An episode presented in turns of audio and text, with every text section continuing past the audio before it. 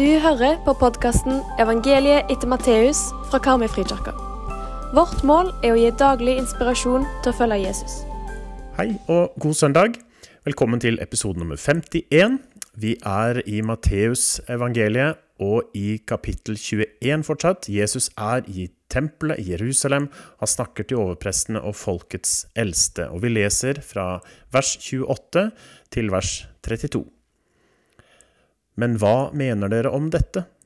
En mann hadde to sønner. Han gikk til den ene og sa, Min sønn, i dag skal du gå og arbeide i vingården. Nei, jeg vil ikke, svarte han. Men senere angret han og gikk. Faren gikk så til den andre og sa det samme til han. Ja, herre, det skal jeg, svarte han. Men han gikk ikke. Hvem av disse to gjorde som faren ville? Den første, svarte de. Da sa Jesus til dem, Sannelig, jeg sier dere, tollere og horer kommer før inn i Guds rike enn dere. For Johannes kom til dere på rettferdighetsvei, men dere trodde ham ikke. Tollerne og horene derimot, de trodde ham. Men dere, selv om dere så dette, angret dere ikke da heller, slik at dere trodde ham. Dette er Guds ord. I fjor høst snakket vi noen taler om hva evangeliet er. Du har sikkert glemt det, men det må vi som taler leve med, selv om det er en litt sånn kjip tanke. Men ok, uansett. Vi konkluderte med at evangeliet, ja, det er evangeliet. Evangeliet etter Matteus er evangeliet. Aha. På samme måte som evangeliet etter Lukas, Markus og Johannes. Så alt som står i evangeliet etter Matteus, er en del av evangeliet. Og så er det sånn at Vi trenger ofte litt uh, forkortelser for å huske ting bedre. Så du kan ta med deg at evangeliet i kortformat, og da er det ikke fullstendig, det er det som Jesus sier i Markus 1,15. Han sier Tiden er inne, Guds rike er kommet nær. Vend om og tro på evangeliet. Og I dagens tekst så blir dette veldig tydelig. For å forstå denne lignelsen så er det viktig å huske på at det er overprestene og de eldste som Jesus snakker til. I Bibelen så brukes vingården ofte som et bilde på Guds rike og det stedet der du og jeg tjener Gud.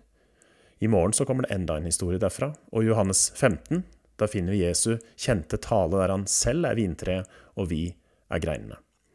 Men i dag er det lignelse om de to sønnene. De blir bedt om å arbeide i vingården, som kanskje er familiebedriften deres. De har to ulike svar på dette. Den ene sier at han ikke vil. Likevel så angrer han etterpå, han ombestemmer seg og går og jobber likevel i sin fars vingård. Den andre sier straks at han skal jobbe, men holder jo ikke det han lover. Han lever ikke i takt med det han sier. Han opptrer ikke troverdig. Selv så er jeg far til tre herlige gutter som i dag er menn, men likevel så høres disse ulike responsene her, de høres utrolig kjent ut.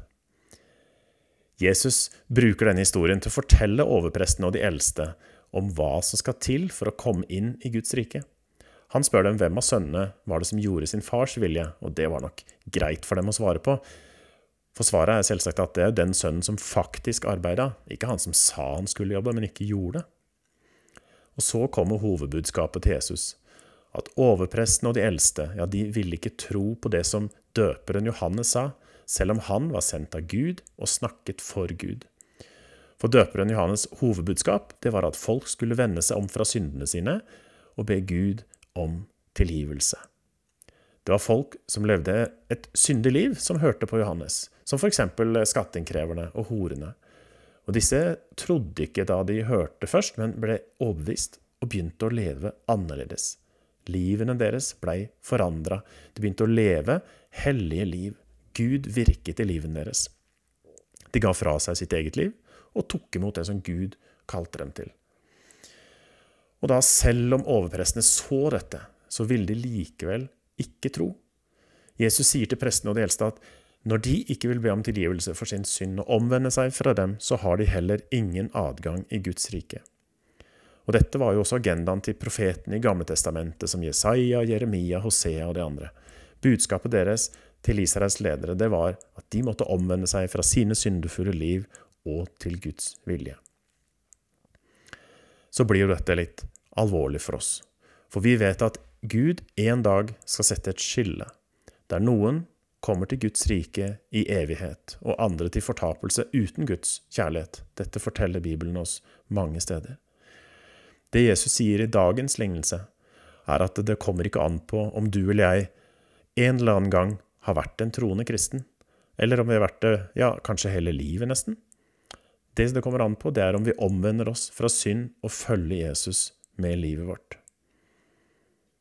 Heldigvis så var det noen av de religiøse lederne som faktisk omvendte seg. Det har historien fortalt oss, som for eksempel Nikodemus.